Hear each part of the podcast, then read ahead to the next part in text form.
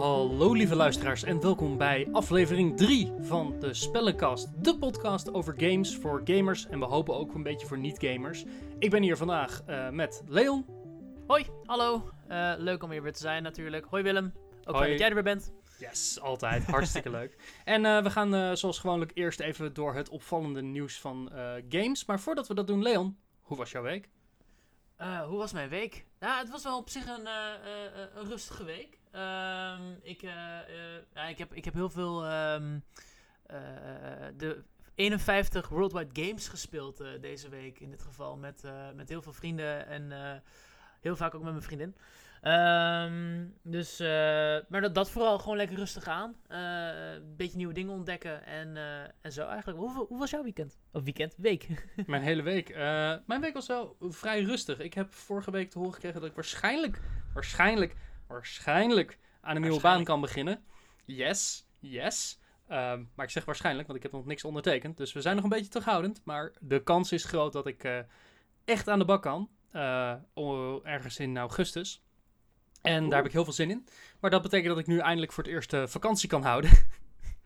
In, uh, de, de vakantie is nu echt begonnen, zeg maar. ja, voor het eerst in de vijf maanden dat uh, de wereld op slot is, uh, heb ik nu vakantie. En ik kan natuurlijk nergens heen. Nee. Maar dat maakt op zich niet heel erg veel uit, want ik kan nu gewoon in ieder geval een beetje ontspannen. En ik heb vorige week eindelijk een nieuwe bureaustoel gekocht. Er was een veiling van een overheidspand in Amersfoort, wat out of business was gegaan. En daar heb ik een prachtige, ja, het zal je niks zeggen, een arend bureaustoel gescoord. En dat Zo. zijn gewoon hele... Fantastisch. Ja, ah. het zegt je niks. Heerlijk. nee, het zegt me helemaal niks.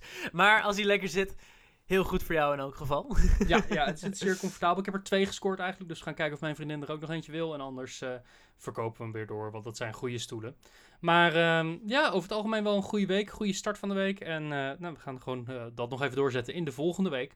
Um, zoals ik al eerder zei, we gaan even door het opvallende nieuws van games deze week.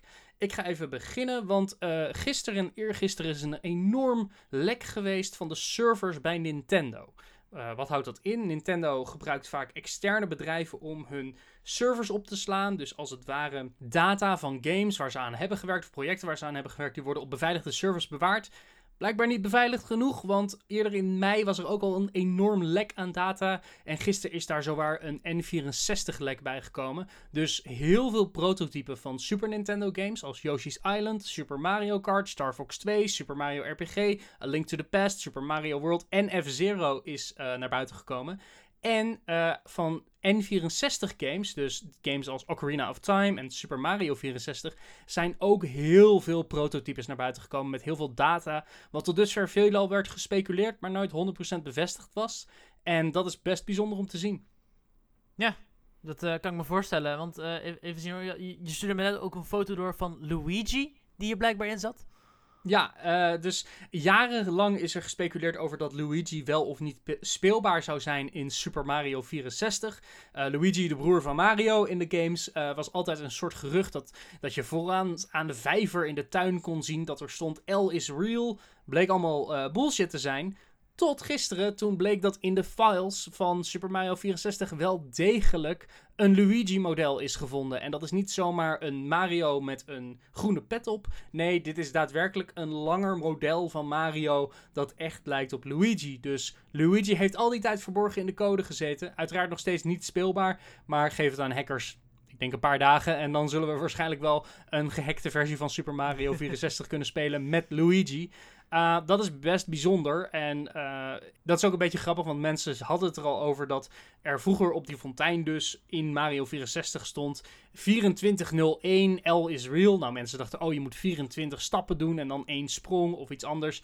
Maar dit, dit leak is uitgekomen 24 jaar en 1 maand na de release van Super Mario 64. Dus hey, L is real, alles, uh, alles is waar. De aluminiumfolie uh, hoedjes die mogen afgezet worden. ja, zeker. Uh, Luigi bestaat en is geen leugen. En mm -hmm. waarschijnlijk zullen we de komende weken nog steeds meer informatie krijgen. Er zijn ook Pokémon prototypen gelekt. Er is een beta versie van Arceus gevonden, de god van alle Pokémon. Mm -hmm. En dat is best interessant om te zien. we gaan niet ernaar linken in de beschrijvingen, want we willen niet dat Nintendo ninja's achter ons aankomen. Maar het is niet moeilijk te vinden. Dus doe je Google werk en je vindt vindt vast wel wat interessante dingen als dat je interesseert. Ja, eh, probeer de Nosepass te vermijden, want dat is echt nightmare fuel. ja, de Pokémon Nosepass heeft een beta design en ehm, ik haal mijn neus ervoor op. Los van dat, uh, het is eigenlijk ook wel een groot jaar dan toch voor uh, in elk geval de Mario en 64. Omdat daar ook heel veel, want dat is ook heel veel nieuws geweest. Ja, Mario 64 is natuurlijk, nou ja, 24 jaar oud bijna. er gaan nog steeds geruchten dat later dit jaar we een uh, compilatie zien van alle 3D Mario's, waaronder een remake slash remaster van Mario 64. Dus dat is een beetje de leidraad, ook omdat Mario dit jaar 35 jaar bestaat. Yeah. Um, maar Mario 64 dit jaar is wel erg goed uitgeplozen door hackers. Eerder werd er al een volledige speelbare versie van Mario 64 uh, eh, uitgebracht die speelbaar is op Windows door hackers. Die hebben de officiële source code gevonden en hebben de game geresourced, zodat je hem in 4K kan spelen met modificaties op PC. Uh, Nintendo is er niet blij mee, verrassing. En ook dat um, er heel veel andere dingen aan de hand zijn met Mario 64. Zo werd er ook al eerder uh, nog meer prototype en beta-materiaal gevonden dit jaar. Dus Mario 64, uh, 24 jaar na data, wordt nog steeds heel erg uitgepluist. Nice. Nou, in ander nieuws. Afgelopen donderdag uh, kwam ook Xbox met een game showcase. De Xbox Game Showcase July. Uh, met daarin heel veel aankondigingen voor nieuwe games die uit gaan komen op de Xbox Series X. Een nieuwe console die eraan zit te komen. Uh, met in dit geval games waaronder in elk geval Balan Wonderworld, Halo Infinite, Forza, State of Decay 3, Everwild, Tell Me Why. Outer Worlds, een expansion daarvan, waar we nog niet zeker van weten of die expansion ook op de Switch verkrijgbaar gaat zijn. Grounded, Avowed, A Dusk Falls, Psychonauts 2, Tetris Effect Connected, uh. The Medium, FSO, Crossfire en Fable. Dus, uh, dus er zaten best wel wat dingen tussen. En we waren best, uh, best impressed. Het was uh, een verrassend goede showcase voor mijn specifieke smaak. Ik hoorde heel veel mensen online die er niet zo blij mee waren. Mm -hmm. nou, het was ook heel erg. De Xbox probeerde natuurlijk weer heel erg te gooien op Halo Infinite. Uh, maar voordat we dat, de daadwerkelijke show begon, was er in de pre-show een, een game die ons wel erg opviel. En dat was uh, Balan Wonderworld. En uh, die, die, die sloeg wel aan. Die sloeg wel echt de, de, de, juiste toon in elk geval bij ons. Maar ook bij heel veel mensen, geloof ik wel. Dat, dat ja. was wel echt de game die, die uit de gehele presentatie sprong. Terwijl die niet echt in de presentatie geweest is, behalve in de pre-show. Ja, het was wel opvallend, want dit is dus een game uh, dat een samenwerking is van Yuji Naka, de officiële, originele designer van Sonic, als ik het goed heb. Ja. En uh, de designer van de game Nights into Dreams. dat zijn twee van de oude Sega top de gameontwerpers. Die werken nu voor Square Enix, de maker van onder andere games als Final Fantasy en Dragon Quest. En Balan Wonderworld is eigenlijk voor hun een terugkering naar hun 3D exploration-achtige games. En het ziet eruit als een ja, 3D-platformer met heel veel moves en kostuums en opties. En het ziet er heel erg cool uit. Ja, dat is wel een. In elk geval voor mij zou het een reden zijn om een Xbox uh, Series X te, aan te schaffen. Maar dat hoeft niet, want hij komt ook naar de Switch. Ja, precies. En uh, dat, hebben ze na die tijd aangekondigd, toch? Of was het nog uh, voor ja, die tijd? Uh, kort, kort daarna hebben ze aangekondigd, de game komt ook naar PlayStation 4, PlayStation 5, PC en Switch. Dus yes. voor Xbox hoef je hem niet te halen, maar, you know, het is wel leuk dat deze van tevoren al aangekondigd is. En is wel, ja, de titel die er uitsprong voor de meeste van ons. Mm -hmm. Wat was voor jou nog een andere game die er echt uitsprong?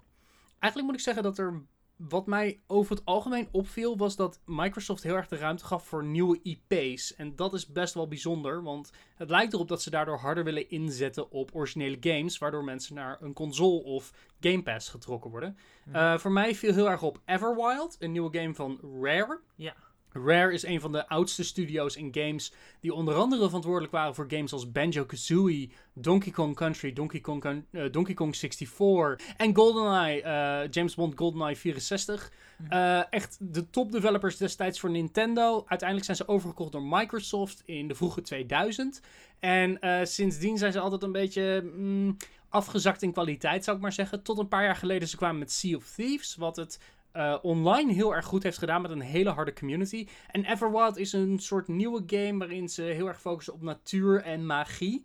Het werd wel kort daarna duidelijk dat ze nog echt werken vanuit een concept en vroeg in de designfase ja, zijn. Er was ook nog geen gameplay te zien. Het was vooral een soort trailerfilmpje. Ja, en uh, wat er na afloop ook bleek met interviews is dat ze nog ook nog daadwerkelijk niet helemaal vast hebben waar ze naartoe gaan. En dat leek voor meer games die hier getoond werden in deze presentatie. Heel veel games lijken te mikken op 2022. Dus Microsoft lijkt een soort lange termijn plan te hebben voor games die later uitkomen en misschien dus ook niet speelbaar zullen zijn op de Xbox One. Ehm, dus dat is best interessant, aangezien ze aan het begin hadden gezet dat heel veel games met beide consoles compatible zouden zijn. Maar blijkt er toch op dat vanaf 2022 je toch wel echt moet overstappen naar die nieuwe console. Nou, we gaan erachter komen. Uh, een andere game voor mij was Psychonauts 2, die eigenlijk wel heel erg opviel. Of in elk geval, het leek mij een hele toffe game. Zeker omdat ik heel erg sceptisch ben over de eerste game. Jij hebt me heel erg uh, proberen aan te sporen om de eerste Psychonauts te spelen. Uh, een, aantal jaren geleden. Dat heb ik geprobeerd, maar ik kwam er toen niet lekker doorheen. En de makers die zijn dus nu ook bezig met een, een tweede game die er echt fantastisch uitziet. Wel heel erg trippy, maar daar hou ik wel van. Het is, een, uh, het is Double Fine Productions. En Double Fine is een van mijn favoriete studio's. Doen altijd iets heel onorthodox met genres en met stijlen. Mhm. En uh, Psychonauts 2 is nu inmiddels al een goede vijf jaar in development. Het lijkt erop dat hij eindelijk volgend jaar gaat uitkomen, maar dat is nog maar te zien. Uh, en ze hebben Jack Black ingeschakeld weer. En Jack Black was al eerder bij hun bekend voor Brutal Legend, waarin hij de hoofdrol speelde. Uh, maar ik ben heel erg benieuwd hoe dit speelt. Het ziet er in ieder geval heel goed uit. En van de eerste berichten die ik heb gehoord, speelt het ook echt als, uh, als een goede 3D-platformer met de kinks die jij ervaarde bij het origineel eruit gewerkt. Dus ik hoop dat dit een game is die een grotere playerbase gaat aanspreken. En misschien ga jij daardoor een deel 1 opnieuw proberen. Wie weet, we gaan achterkomen. Ik hoop vooral dat, uh, dat ik niet de eerste gespeeld hoef te hebben om dit, uh, dit te kunnen snappen. Ik neem aan van niet, omdat het echt jaren geleden is dat de eerste game is uitgekomen. Dat was al 2004 of zo? Ja, 2003 specifiek. 2003, wow. 2004, ja. Heftig.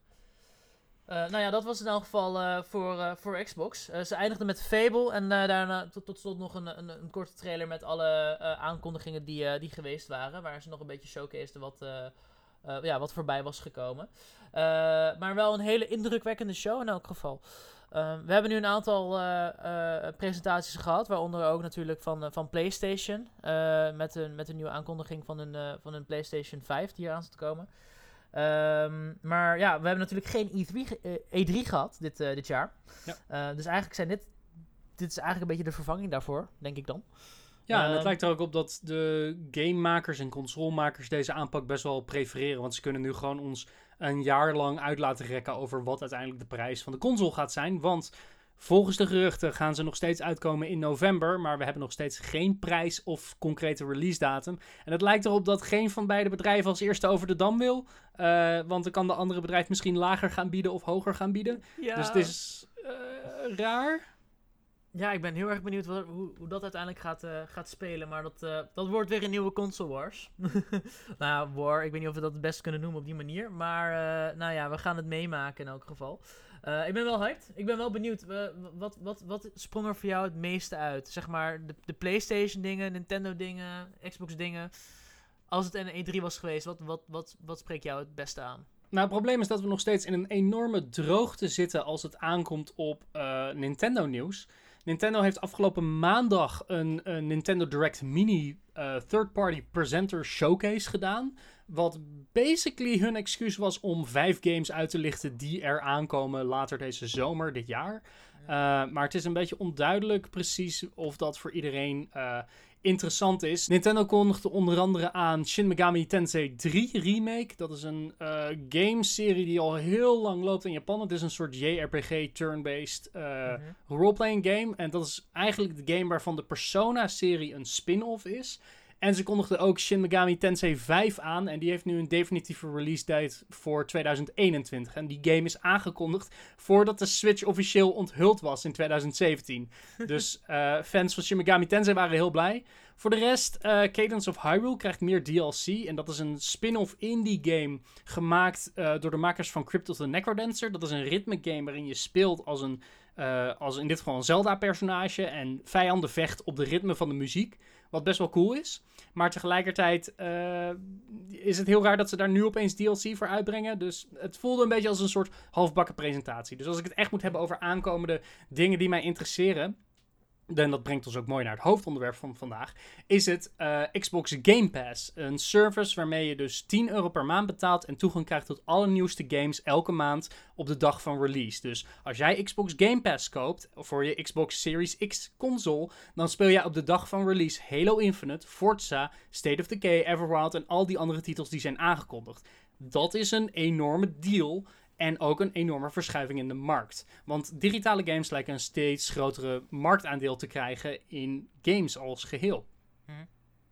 Ja, het is interessant inderdaad om te zien hoe uh, eigenlijk een beetje het, het, het, het Netflix-idee uh, ook toegepast wordt binnen de games natuurlijk. Um, ik vind het een tof idee dat ze dat doen met die Game Pass, maar, maar hoe gaan de makers hierdoor verdienen? Ben ik dan heel erg benieuwd naar. Ja, wat, uh, wat een belangrijke context hiervoor is, is dat Microsoft heeft de afgelopen jaren steeds meer studio's opgekocht. We hadden het hier al eerder over, volgens mij in aflevering 1. Dat uh, Microsoft zogeheten Xbox Game Studios heeft gestart. Waarin heel veel developers, zoals Double Fine, maar ook de makers van Forza, ook uh, 343, de makers van Halo op het moment, uh, allemaal samen onder één dak zitten. Als in één overkoepelend metaforisch dak. Uh, maar dat uh, als jij Game Pass hebt, dat al die games van die studio's op dag 1 speelbaar zijn. En dat is heel lastig te, om te zetten naar hoe die inkomsten en verdiensten teruggaan naar de makers van het spel. Want een abonnementservice, net zoals bij Netflix, reflecteert niet per se de inkomsten die gaan naar een specifieke game. Als jij 10 euro per maand betaalt voor Netflix, betekent dat jij niet specifiek Netflix afsluit voor één film of serie, maar eigenlijk voor het hele totaalpakket. Dus je kan ook moeilijk zeggen dat die ene film of serie degene is die het geld moet krijgen van die Game Pass. En daar hebben we eigenlijk nog vrij weinig inzichten in, in hoe Microsoft hier een verdienmodel aan heeft. Behalve dat het natuurlijk heel erg draait op klanten en loyaliteit. -hmm. Zeker. Ik uh, ben dan ook wel benieuwd inderdaad of uh, we uiteindelijk een soort family pass gaan zien waarin we in dit geval games met elkaar kunnen delen. nou ja, het, het, is niet ongehoord om dat uh, mee te maken of te zien. Tegelijkertijd denk ik wel dat Microsoft eerst heel goed het water gaat testen voordat mensen direct aan boord stappen bij Game Pass. Want Game Pass is Mhm. natuurlijk een hele aantrekkelijke service, maar het heeft natuurlijk ook wat haken en ogen. Namelijk hoe lang zijn mensen bereid om te betalen voor een abonnementservice en wat krijg je in die tussenperiodes. Als jij Halo Infinite op dag 1 hebt uitgespeeld, wat krijg jij in maand 3 waardoor jij die pas nog per maand wil betalen. En uiteindelijk is het natuurlijk de verschuiving van de prijzen van games. Games kosten gemiddeld tussen de 60 en waarschijnlijk volgende generatie 70 euro is het dan voordeliger om inderdaad voor vier maanden zo'n Game Pass aan te schaffen, zonder dat je de game daadwerkelijk bezit, maar alleen kan spelen via een abonnementservice. En dat is ook waarom we het vandaag hebben over de digitaal tegenover de fysieke markt. Waarom spelen mensen digitaal of fysiek? Wat zijn voor- en nadelen? Mhm. En prijs is daar een hele belangrijke factor in. Ja, zeker.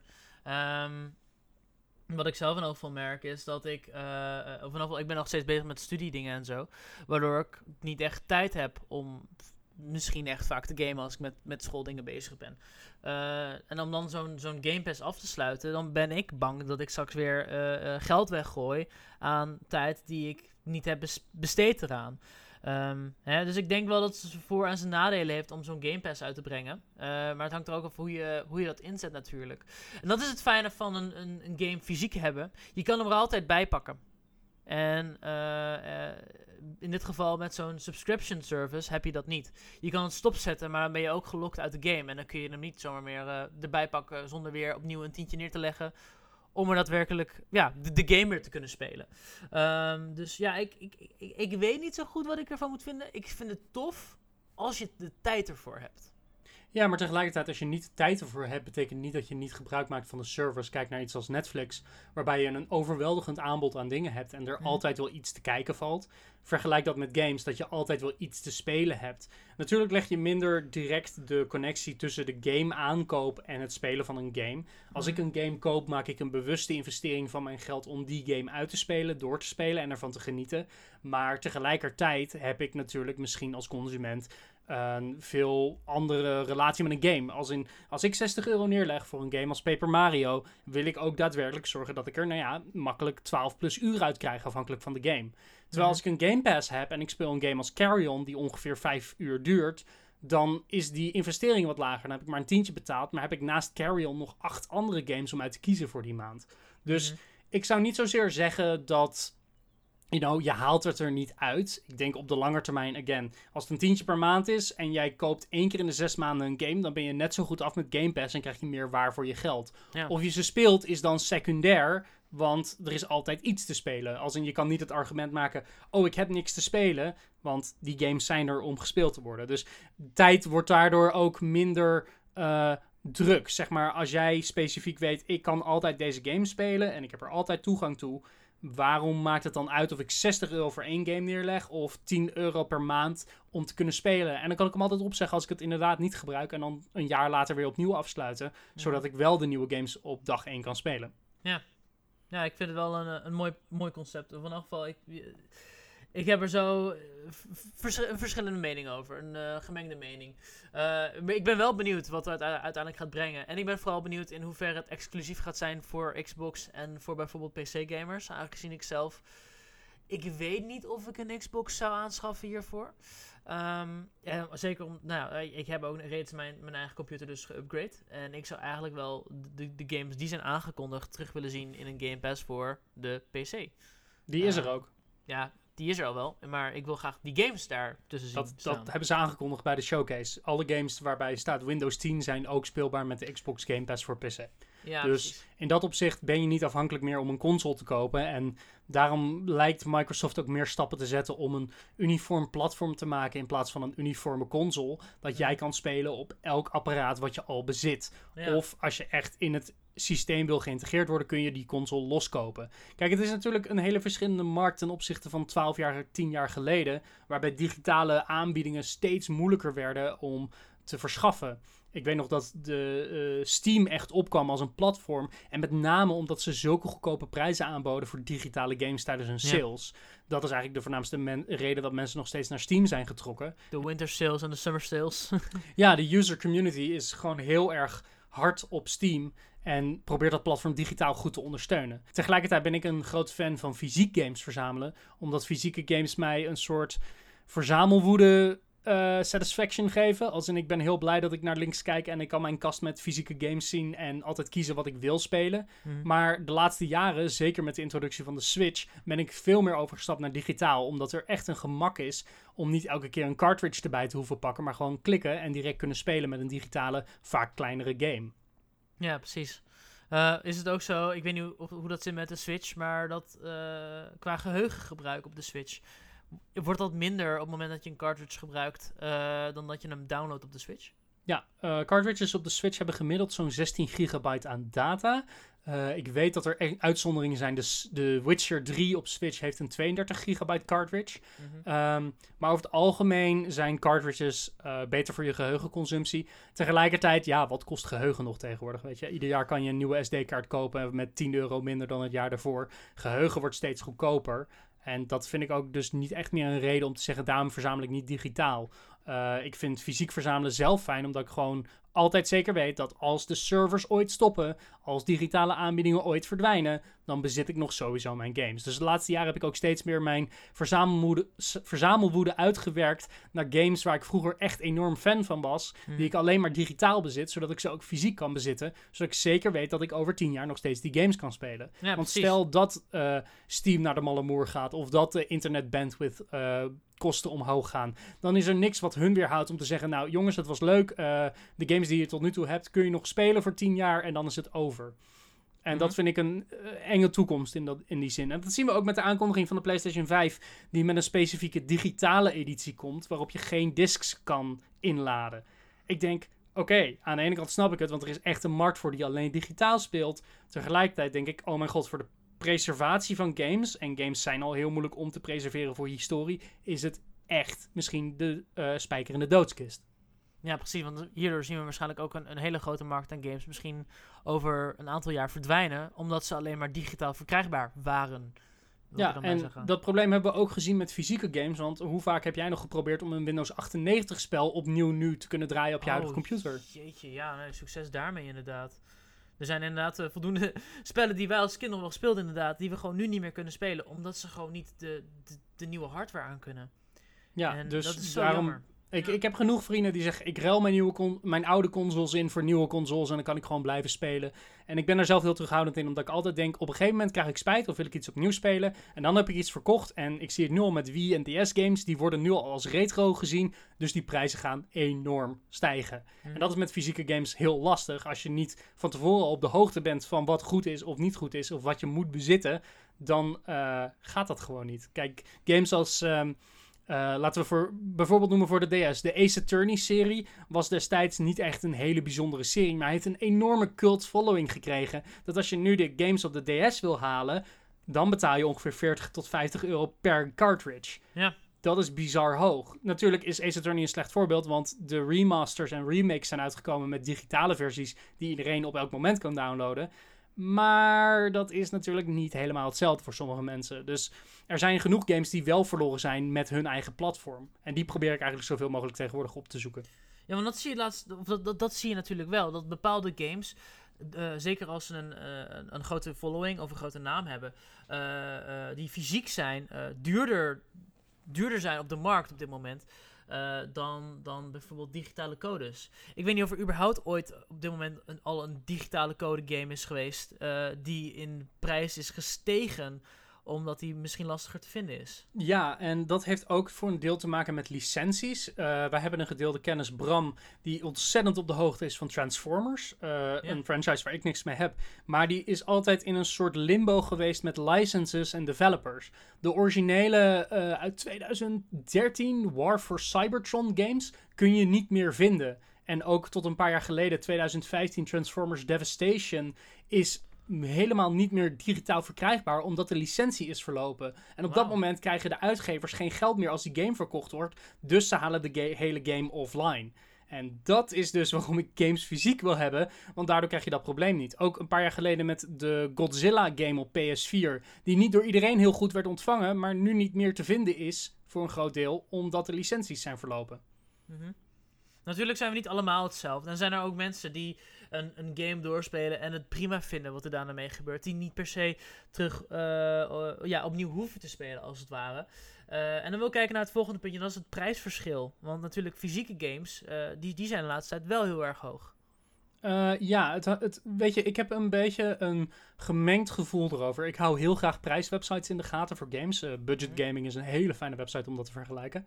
Uh, digitale games blijven over het algemeen redelijk stabiel in prijs, met uitzondering van specifieke sales. -hmm. um, maar games fysiek kopen, als je ze nu nog kan kopen in sales, zijn over het algemeen altijd goedkoper als je een paar maanden wacht. En dat is een beetje het eeuwige dilemma van hoe lang ben jij bereid te wachten om een game te spelen en uh, haal je er dan nog het steeds hetzelfde uit voor de helft van de prijs. Hoe lang kun je spoilers ontlopen? mm -hmm. Ik heb nog steeds geen Animal Crossing gespeeld. nou ja, maar als je nu Animal Crossing zou kopen, zou je al veel dichter Oké, okay, Animal Crossing is een slecht voorbeeld, want Nintendo is berucht als het aankomt op hun games nooit in prijs verlagen. En zeker Animal Crossing. Ja. Um, maar als je bijvoorbeeld een game als uh, Star Wars Fallen, uh, Fallen Order wil ik heel graag nog spelen. Maar ik heb hem expres niet op launch gehaald, omdat hij bijna 70 uh, euro was. Terwijl als ik hem nu zou komen, hij al snel rond de 35 is. Nou ja, Mhm. dan heb ik spoilers vermeden voor die eerste twee maanden. Dat is eigenlijk het hoogtepunt. En daarna kun je voor een goedkopere prijs gaan. Dat hij al een beetje in dit geval uh, in de omloop is geweest natuurlijk. Ja, en digitaal is dat vaak wat moeilijker. En daarom probeer ik me nu ook heel vaak in te houden als ik zie van... Oh, als een game echt nieuw is en ik moet hem op dag 1 spelen... dan dish ik er het geld voor uit. Maar meestal wacht ik zes maanden tot een jaar voordat ik een game uiteindelijk haal. Omdat ik gewoon weet dat ik er A, meer plezier uit krijg... en B, omdat ik de helft van het geld betaal. Klinkt uh, prima. ik, weet, ik weet niet hoe, hoezeer jou dat influeert. Want jij koopt best wel veel digitale games, weet ik. Op je PC vooral. Nou, Speel jij alles wat je koopt? Um, ik, uh, ja, ik, vanaf wel, ik probeer het wel te spelen. Uh, natuurlijk heb ik op mijn Steam library een, een groot aantal games die ik ooit wel heb aangekocht uh, in Steam sales en die me wel leuk leken. Maar die ik inderdaad eigenlijk nooit echt heb aange, aangeraakt. En dan pra praten we echt over hele kleine games. Ehm, natuurlijk, er, er zitten wel een paar tussen. Ik heb eh, ook, eh, eh, dat was eh, ongeveer een jaar geleden nu, want ik ben nu een jaar bezig met mijn studie, maar daarvoor wer- eh, werkte ik eh, in een callcenter. Maar daar had ik ook een, eh, een, een soort vriendengroep waarmee we dan eh, elke woensdag gingen gamen. En via Steam gingen we dan kijken, oké, is er iets in de aanbieding? Is er een leuke kleine minigame die we kunnen spelen? En normaal dan, dan- speelden we die misschien twee of drie keer, maar dan waren we er ook alweer klaar mee. Hebben we misschien nog geen uur ingestoken, maar dan waren we al klaar met de game. En dan gingen we weer iets, iets groters zoals GTA spelen. Of, ehm, of Conan, Exiles. Ehm, dus ja, eh, eh, maar het is wel fijn om te hebben of zo. Je, je hebt de games en als je ze zou willen aanraken, dan, dan kan dat. Ik kan er nu in elk geval bij. Ehm, maar ja, ik, ik, kijk er nu ook trouwens door. Er zijn, inderdaad heel veel games die ik nog zou willen spelen, maar nog nooit de tijd voor heb gehad. Die ik wel heb staan, inderdaad. Ik, ik zie dan Bioshock 2 staan en, en, eh, en de, de eerste Bioshock game, waar ik amper eigenlijk in, mee, ja, mee gespeeld heb. Dat had ik eigenlijk eh, veel meer willen doen. Maar ook de, de nieuwe games die uitkomen, die, die, ehm, die wil je dan ineens toch sneller gaan spelen. En ehm, ja, ik, ik weet het eigenlijk niet zo heel goed wat ik er verder mee moet doen. Ik weet ook niet of ik ooit nog de tijd voor ga hebben.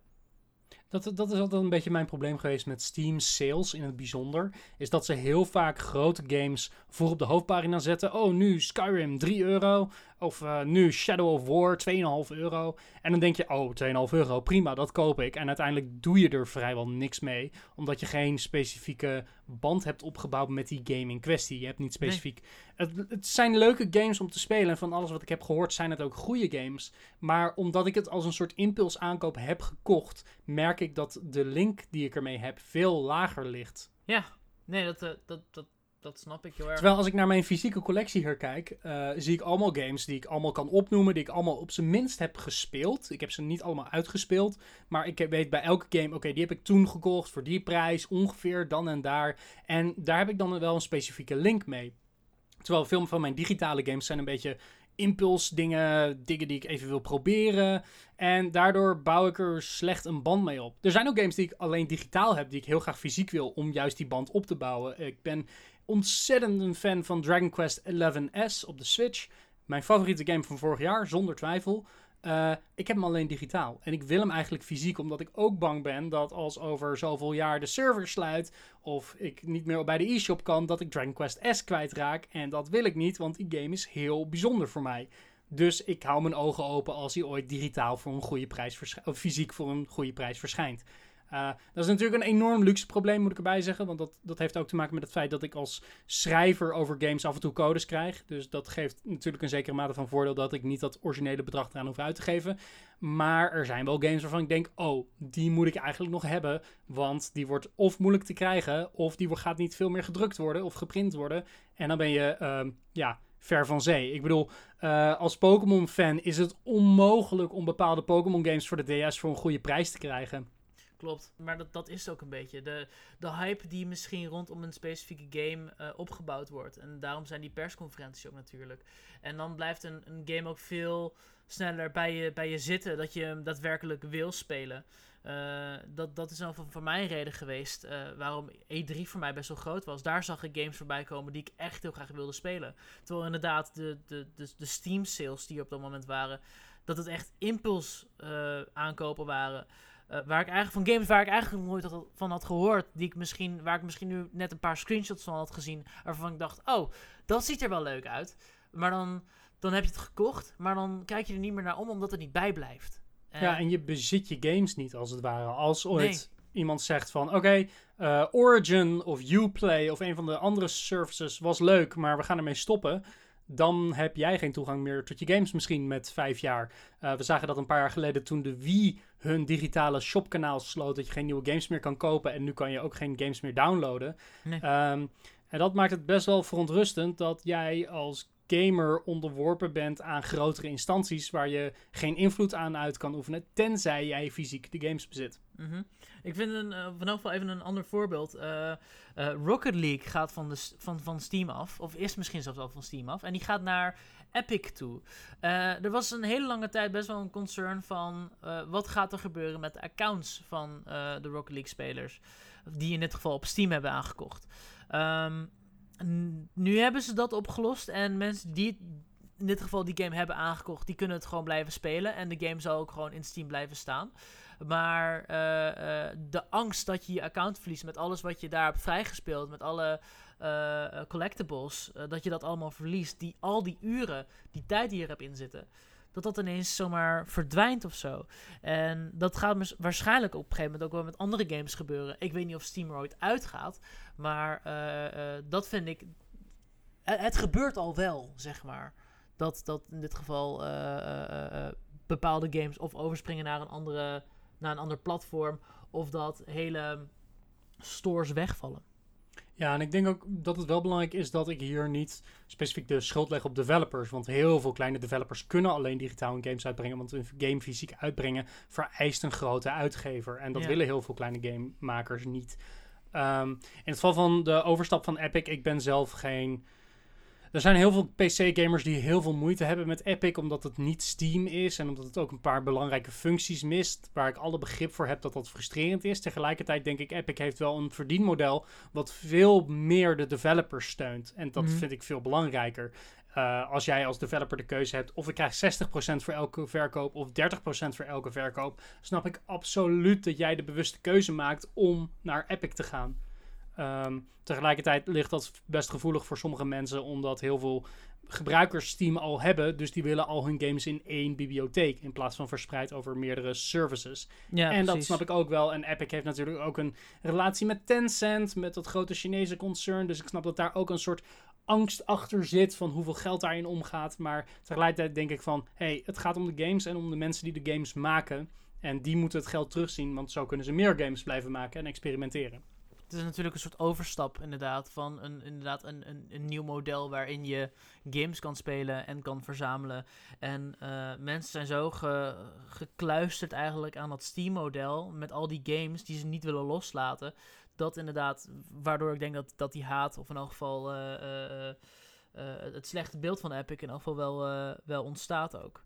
En ik moet ook zeggen dat heel veel Steam gamers zeggen: Oh, mijn library, luister, als Steam gamer heb jij waarschijnlijk van je 100 games in je library 20 actief gespeeld en de rest heb je een keer gedownload om een whim of als impuls aankoop of een half uurtje gespeeld. Mhm.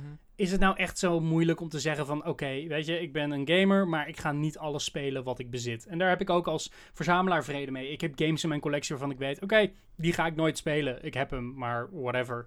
Mhm. En dat is ook een soort uh, rust biedt dat, dat ik ook niet de druk heb van ik moet alles spelen wat ik koop. Ja. Uh, en zeker daarom maak ik nu tegenwoordig wat bewustere keuzes. Van ik ga nu niet een game in de aankoop. Uh, ik ga nu niet een game in de uitverkoop aankopen. Omdat ik weet dat ik hem toch niet ga spelen. En dan steek ik liever dat geld in eigen zak om daar een game te kopen die ik wel heel graag wil spelen. Ja, precies. Ik ben wel benieuwd inderdaad hoe dat. Uh, omdat het ook een overstap is van, van eigenlijk sales naar Microsoft komt nu met de Game Pass. Mhm. Ehm, hoe, hoe makkelijk die stap gezet kan worden binnen, binnen gamers, binnen de game community. Of, uh, of dat zo makkelijk gaat. En vanaf het, het lijkt mij. Het, het, het, zoals ik zeg, ik heb er gemengde gevoelens over. Maar de stap lijkt wel mooi te zijn. Maar je bent dus wel echt maandelijks 10 euro kwijt, bijvoorbeeld. Om te kunnen gamen. Ja, ja, ik denk ook dat dat natuurlijk afhangt van je financiële situatie. Of je bent maandelijks 10 euro kwijt, of je koopt drie maanden achter elkaar een game voor 60 euro. Ja, dan weet ik wel wat ik liever zou doen. Ja, uh, als het puur vanuit financieel opzicht uh, redeneren. En tegelijkertijd, weet je, mijn Netflix loopt ook door. Uh, Weet je, sommige streaming services zeg ik ook stop als ik ze niet gebruik. Disney Plus heb ik gebruikt voor een maand en daarna gezegd, mm tabé, jullie hebben niks wat ik wil. Dus dan ga ik er ook niet voor betalen. En ik heb Game Pass gehad voor PC voor een paar maanden. Dat was toen een aanbieding dat je voor 1 euro drie maanden kreeg. Nou ja, dat was hartstikke een goede deal. En daar heb ik ook best wel gebruik van gemaakt. Ik heb wel wel een paar games mee gespeeld. En ik snap dat daar zeker potentie in zit voor het model. De vraag hoe het gaat uitpakken is een tweede. Maar ik denk dat Microsoft in die zin nog steeds op de lange termijn speelt. In plaats van uh, kortzichtig. Oh, we gaan een stream service doen omdat het cool is. Nee, ze hebben wel een uitgedacht plan met wat ze willen bereiken en hoe ze dat willen bereiken. Ja. Denk je dat, dat het daadwerkelijk voordeliger gaat zijn? Voor, Voor zeg maar, de spelers? cons- voor de spelers, voor de Voor consumenten? spelers absoluut. Geen twijfel mogelijk. 10 euro per maand voor al die games is een onweerstaanbare deal. Dat je ze krijgt op launch, digitaal. Je hoeft niet eens je huis uit om ze te kunnen spelen. Nou ja, je kan zien eh, wat dat doet met mensen in quarantaine. Ik kan mij heel goed voorstellen dat dit een toekomstmodel is... wat heel veel anderen gaan proberen na te apen. Maar waar Microsoft nu echt een monopolie op heeft... omdat ze dit al langer proberen en langer uitdenken... en ook combineren met andere services als xCloud. Waardoor je dus niet meer gebonden bent aan het hebben van een specifieke console. Ik denk dat we op, deze manier wel eh, voldoende gecoverd hebben in elk geval. Zeker. Leon, Zeker. wat heb jij deze week zo al gespeeld dan? ik heb niet zo heel veel gespeeld. Eh, Zoals ik al eerder aangaf. Ik heb heel veel 51 eh, worldwide games gespeeld op de Switch. En ik heb heel veel verschillende eh ja, game modus eigenlijk eh, geprobeerd ook. En het, het valt me op hoe, hoe makkelijk het is, maar ook hoe leuk het is. Kan je mensen even uitleggen wat 51 Worldwide Games precies is? Nou, eigenlijk, wat, wat 51 Worldwide Games is, het is, een, het is eigenlijk één game met 51 verschillende spelletjes, zoals eh schaak zit erin, Yahtzee, eh bowlen, ehm, eh, darts kun je zelf spelen. Het zijn allemaal kleine spelletjes, gewoon echt bordspelletjes eigenlijk wel, die, die je in het dagelijks leven daadwerkelijk kan spelen, maar op deze manier op je console. En het is een heel erg leuk concept, waarmee ik het heel erg kan vergelijken. Dat is eigenlijk wel Wii Sports en Wii Play van Ja. dus de tijd dat de Wii ooit is uitgekomen, maar in een heel nieuw jasje. Hoe ik het altijd vergelijk als mensen er naar vragen is... Je weet wel die grote speldozen met 100 spellen in één. eh, dat je zo'n grote oh, ja, heb doos bij de Intertoys haalt. Ja, Ja, dat, dat is het, maar dan in gamevorm. En de Switch specifiek heeft controllers die je kan uitdelen aan andere spelers. Dus het is super makkelijk om te zeggen: Oh, wil je even kort een potje darten? En de games duren ook allemaal niet echt langer dan 2, 3 minuten. Nee, precies. Dus het zijn eigenlijk het, het zijn minigames. En je kan zelf beslissen wat je gaat doen. En dan zeg je op een gegeven moment, nou, zullen we wat anders gaan doen? Ga je even kijken en dan vind je weer iets nieuws. Nou, zo, ik heb echt uren lopen ma- masterminden met, eh, met, met mijn vriendin. Het is echt zo grappig. Ik hoorde van mijn kennis eh, Daan, Nintendo, en ook wel op Twitter, dat hij heeft, eh, zijn, hij heeft twee Switches. En de ene Switch heeft hij nu bij zijn ouders neergezet. Met een eigen kopie van 51 Worldwide Games. Omdat zijn ouders het zo leuk vinden om Oh, alle heerlijk. games als Yacht, Dice en Darts te spelen. Dus het is echt een game toegankelijk voor iedereen. Je kan het online spelen met vrienden. En zelfs als jij de game niet hebt, is er een zogeheten guest edition. Waarop je de games met anderen kan spelen als zij zelf een Switch hebben. Eh, als je bekend bent met de DS, er was vroeger DS Download Play. Dat jij een game hebt die jij hebt gekocht, maar met andere mensen kan spelen die alleen maar op een knop hoeft te drukken om te joinen. Nou ja, dat is ook bij 51 Worldwide Games beschikbaar. Dus als je een Switch hebt, maar niet de game, download hem nog, want je weet nooit wie van je vrienden wel de game hebt. En dat is super leuk om samen te doen. Zeker. Ehm, andere games die ik nog heb gespeeld. Ik ben weer een stukje verder gekomen in eh, Batman The Arkham Knight. Ehm, wat op zich wel weer een interessante eh, kant op gaat. Zeker als je dus de laatste, of in ieder die daarvoor hebt gespeeld. Dat is Arkham City. Ja. Ja, precies. En dan daarvan het einde wordt weer meegenomen in een nieuwe game. Dus eigenlijk moet je die wel gespeeld hebben natuurlijk dan om, om een beetje het verhaal te kunnen snappen. Ehm, maar er wordt wel naartoe gerecapt als het goed is. Ja. Ehm, maar ja, ik vind het een hele interessante ingang. En ik, eh, ik hoop deze weken weer, eh, weer in verder te gaan. Eh, ik denk al wel dat ik er een beetje achter kom wat er aan de hand is. maar, ja, weet je, de verhalen zijn heel goed, maar zeg maar overkoppelende plot zelf is nooit zo verrassend bij Batman. Het zijn meer de personages en de groei daarin. Ja, dat En inderdaad. Arkham Knight, het is grappig dat jij het zegt, want ik heb deze week eh, via een uitverkoop in de PlayStation Store de Season Pass voor Arkham Knight gekocht. Dus ik ben ook weer begonnen met Arkham Knight. Ah! Eh, maar ik heb praktisch gezien alle DLC dus gekocht voor 6 euro. En dat is zoveel extra content. Eh, dus daar, daar ben ik eerst eigenlijk doorheen aan het spelen en daarna de hoofdgame opnieuw. En het is wel raar als je net van Arkham Asylum, wat ik, waar ik het over had twee weken geleden, heb ik Arkham Asylum helemaal doorgespeeld. Nu was ik bezig met Arkham City en dan naar Arkham Knight. Arkham Knight speelt wel anders dan die games. Dus ik moest echt opnieuw wennen aan hoe alles in Ja. elkaar zat. Klopt. Maar zit er überhaupt een soort multiplayer mogelijkheid in? Of? Nee, nee, nee. nee. Nee, hè? Eh, het ja, zijn single-player story games. Maar dat vind ik ook niet erg.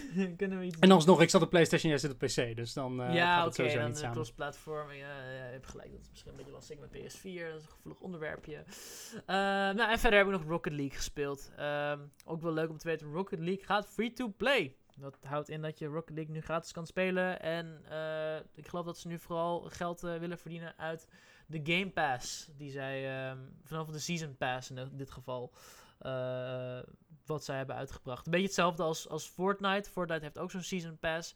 Je kan normaal de game spelen en dan krijg je steeds telke keer om het level, dan wel, dan weer niet een item of iets dergelijks. Eh, en anders met zo'n Season Pass, dan krijg je elk level up een, een nieuw item, een leuk extra dingetje. Ehm, en natuurlijk de van de normale. Eh, dus datzelfde model, dat gaan ze nu ook proberen nou ja, uit te breiden in dit geval binnen de game. Ehm, ik weet nog niet al wat ik ervan vind. Eh, aan de andere kant denk ik, cool, free to play. Eh, waarschijnlijk dus ook een grotere e-sports die hier aan zit te komen voor Rocket League. Eh, enerzijds dan denk ik wel weer van, ja, ik heb zelf wel de game gekocht voor 21 euro. Ga ik hier dan nog iets voor krijgen of zo? Of gaan ze hier iets mee doen? Maar dat, dat gaan we meemaken.